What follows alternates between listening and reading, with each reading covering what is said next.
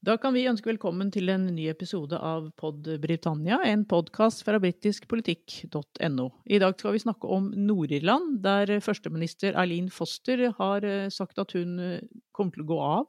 Både som førsteminister og som leder for det største partiet i Nord-Irland, eh, det demokratiske unionistpartiet DUP. Det skal vi snakke litt mer om, om hva det betyr og også litt om hennes etterfølger som leder, partileder, som da allerede er klart. Det er en mann som heter Edvin Putz. Jeg heter Trine Andersen, og med meg i dag har jeg en som kan mye om nordisk politikk. Det er min medredaktør Erik Mustad. We shall never surrender. The pride in who we are is not a part of our past. It defines our present and our future. The people of Scotland have spoken. England, Scotland, Wales, Northern Ireland together, taking us forward, unleashing the potential of the whole country. Ja, Erik, skal vi begynne å snakke litt uh, først om Aline Foster, om uh, hvorfor hun nå går av. Hun ble altså førsteminister i Nord-Irland i 2016. Den første kvinne som har hatt uh, den stillingen. Hun var førsteminister da bare i ett år før regjeringen brøt sammen. Og det var politisk stillstand i Nord-Irland i tre år, fram til januar i fjor, da hun igjen ble førsteminister. Og nå sier hun altså at hun trekker seg. Hva er foranledningen eh, for det? Aline Foster har nok vært eh, ganske upopulær i partiet sitt uh, lenge. Vi så nå at det var to tredjedeler av medlemmene på Stormont i folkeforsamlingen i Nord-Irland i eget parti som stilte mistillit mot henne. Så hun har nok vært eh, kontroversiell både i samarbeidet sitt med Sinn Fein på Stormont, men også innad i partiet. Hun er jo en, en uh, mer sentrumkonservativ unionist. Uh, kom fra UUP på begynnelsen av 2000-tallet, altså Ulster-unionistene, som har alltid vært det store unionistpartiet. Fram til 2003 så ble da DUP det største unionistpartiet. Så det har nok vært eh, klammeri innad i partiet, og vært litt uh, upopulær i uh, det samarbeidet hun har hatt med, med Sinn Fein også. Mente at hun har vært for ettergivende, og at hun har vært for liberal i, i mange saker. Ja, hun, hun, var jo en av Storbritannias mektigste kvinner, faktisk, under Teresa May. Da var det hun som gjorde at Teresa May fikk eh, lov til å regjere videre i denne mindretallsregjeringen hun da hadde. Så var altså DUP et støtteparti. Men så tok Boris Johnson over, og Erlin Foster støttet jo også han og, og hans brexit-politikk, og faktisk også i begynnelsen denne Nord-Irland-protokollen, som da lager en grense i Irskesjøen, og som vi vet er veldig upopulær blant unionistene i Nord-Irland. Er denne støtten hun ga til Boris Johnson til å begynne med også en årsak til at hun nå måtte trekke seg? Ja, absolutt en politisk feilvurdering når det gjelder hele brexit. Eh, både det at ikke eh, DUP og Alin Foster aksepterte en myk brexit. Eh, da hadde man unngått en protokoll, man hadde unngått en grense i Irskesjøen. Eh, og eh, istedenfor så støtta eh, Arlene Foster og DUP en hard brexit. Og disse brexiterene til Boris Johnson. Og da Johnson ble valgt i 2019 eh, med dette store flertallet, så var det ikke noen nødvendighet for DUP å støtte noen i vestminister lenger. I de to årene der så hadde nok også Aline Foster tapt en del sympati i Nord-Irland mellom 2017 og 2019, hvor de mente Foster var mer opptatt av Westminster-politikk eh, enn det hun var opptatt av unionisters ve og vel i, i Nord-Irland. Så hele brexit-saken, sånn som den utspilte seg i Nord-Irland fra 2016 via denne støtten i 2017, og så med inntreden til Boris Johnson eh, i 2019, så, så, ble det nok for vanskelig for Aline Foster kanskje å fortsette alt tatt i betraktning. Og nå går hun altså av som partileder da den 28. mai, og partiet har jo en, allerede på rekordtid valgt hennes etterfølger. Det er bare en, håndfull, en håndfull menn, vel stort sett, som har vært med og, og, og, valgt etterfølgeren. Det er de som sitter i parlamentsgruppa på, i parlamentet i London og på Stormont utenfor Belfast, nasjonalforsamlingen der, som har valgt den nye, den nye partilederen. Og han ble valgt med knappest mulig margin, med 1917. Og, og mannen heter altså Edwin Putz. Det er mange som aldri har hørt det navnet, men du, du kjenner ganske godt til ham. Ja, og jeg kjente til faren hans, for faren Charles Putz var en av stifterne av Det demokratiske unionistpartiet tilbake i 1971. Vi pleier jo å si at Det demokratiske unionistpartiet stort sett er verket til Yin Paisley, denne gamle pastoren som starta eh, sin egen kirke i 1953, en presbyteriansk kirke i Belfast. Eh, og så starta han da dette nokså radikale DUP bl.a. sammen med Charles Putz, altså faren til den nye lederen i DUP i 1971.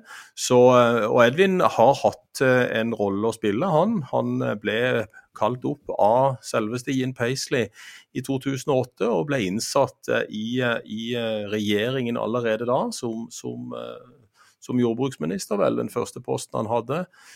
Så han har hatt litt forskjellige poster i, eh, i regjeringen, provinsregjeringen i Nord-Irland. Så han er ikke en ukjent eh, nordirsk eh, politiker.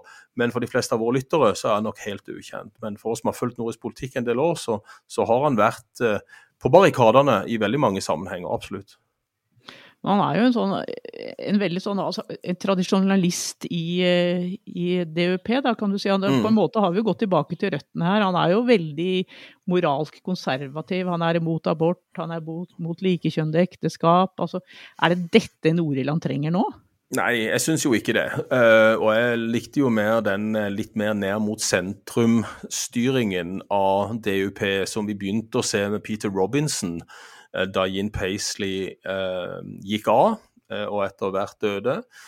Og så ble dette videreført av Arlin Foster, at DUP krabba litt bort fra sin radikale sosialkonservative politikk, og bevegde seg litt ned mot det andre store unionistpartiet, altså Ulstad-unionistene, og, og kjempa mer eller mindre om de samme unioniststemmene som UUP.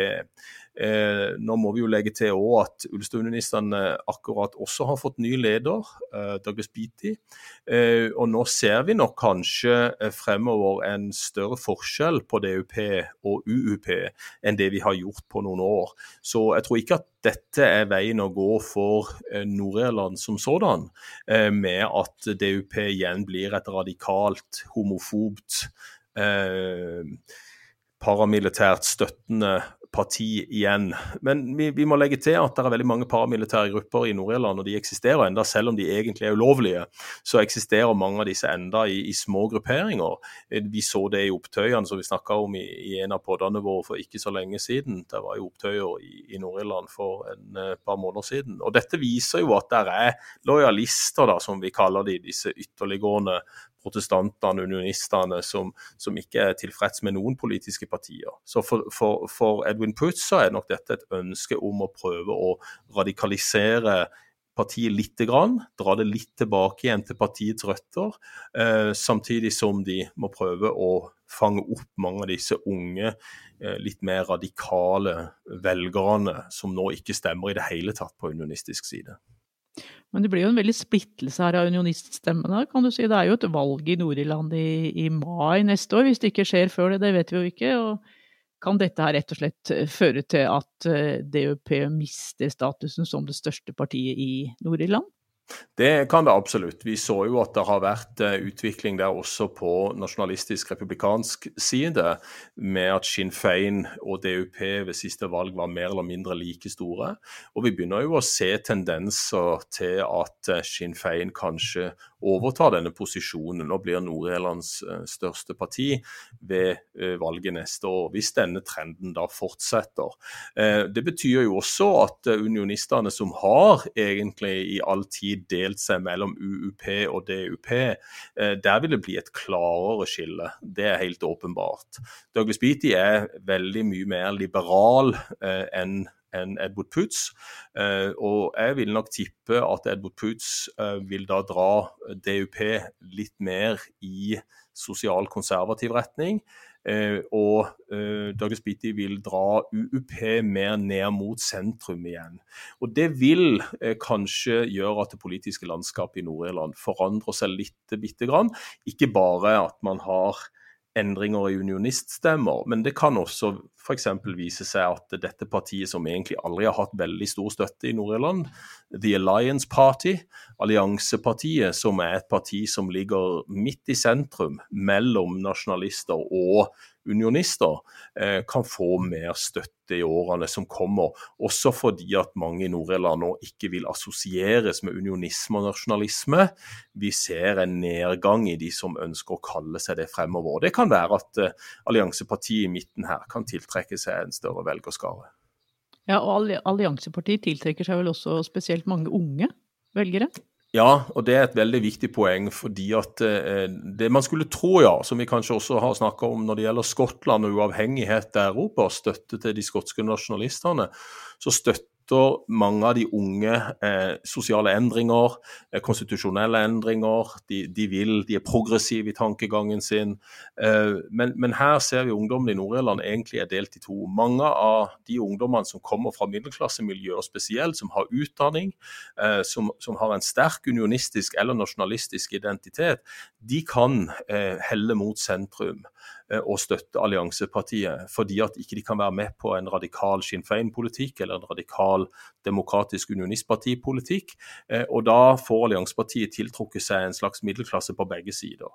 Eh, samtidig så har vi da arbeiderklasse, ungdom, på begge sider, som helt klart vil støtte opp under Sinn Fein på nasjonalistisk, republikansk side, men som ikke nødvendigvis på unionistisk og, lojalistisk side vil støtte opp om DUP, og heller da ikke UUP. Og Vi vet at veldig mange av disse unge lojalistene som vi så ty til vold og, og, terror i gatene i Belfast og London, der er jo andre nordirske byer for uh, en måneds tid siden, ja, de stemmer ikke i det hele tatt. De føler ikke de har noe politisk representasjon, og det er jo også en av grunnene til at de tar til gata ved, ved visse anledninger. Ja, Når vi hører på deg nå, Erik, så kan vi vel slå fast at nordisk politikk er ikke enkel, i hvert fall. Det er helt sikkert. Nei. Men eh, for å komplisere det enda litt mer, eh, Edvin Putz, for å komme tilbake til han, han vil jo da ikke bli førsteminister. Han vil eh, konsentrere seg om fortsatt å være landbruksminister og være leder for Det demokratiske unionistpartiet. Så vi vet jo ikke ennå hvem som kommer til å etterfølge Erlin Foster. Men hva slags betydning har det hvem som sitter som, som førsteminister? Er ikke førsteministeren og viseførsteministeren likestilte i Nord-Irland? Jo, de er likestilte i den forstand at det er det største partiet som automatisk har førsteministeren, og så er det da det nest største partiet som har viseførsteministeren. Og I det politiske systemet i Nord-Irland så er de likestilte fordi at det politiske systemet i Nord-Irland er bygd opp rundt det vi kaller konsensus. Det betyr at eh, både nasjonalistene og unionistene som sitter i denne provinsregjeringen de er nødt til å være enige om alt. Og Det er jo det som er veldig veldig vanskelig, og skaper en politisk stillstand i veldig mange saker.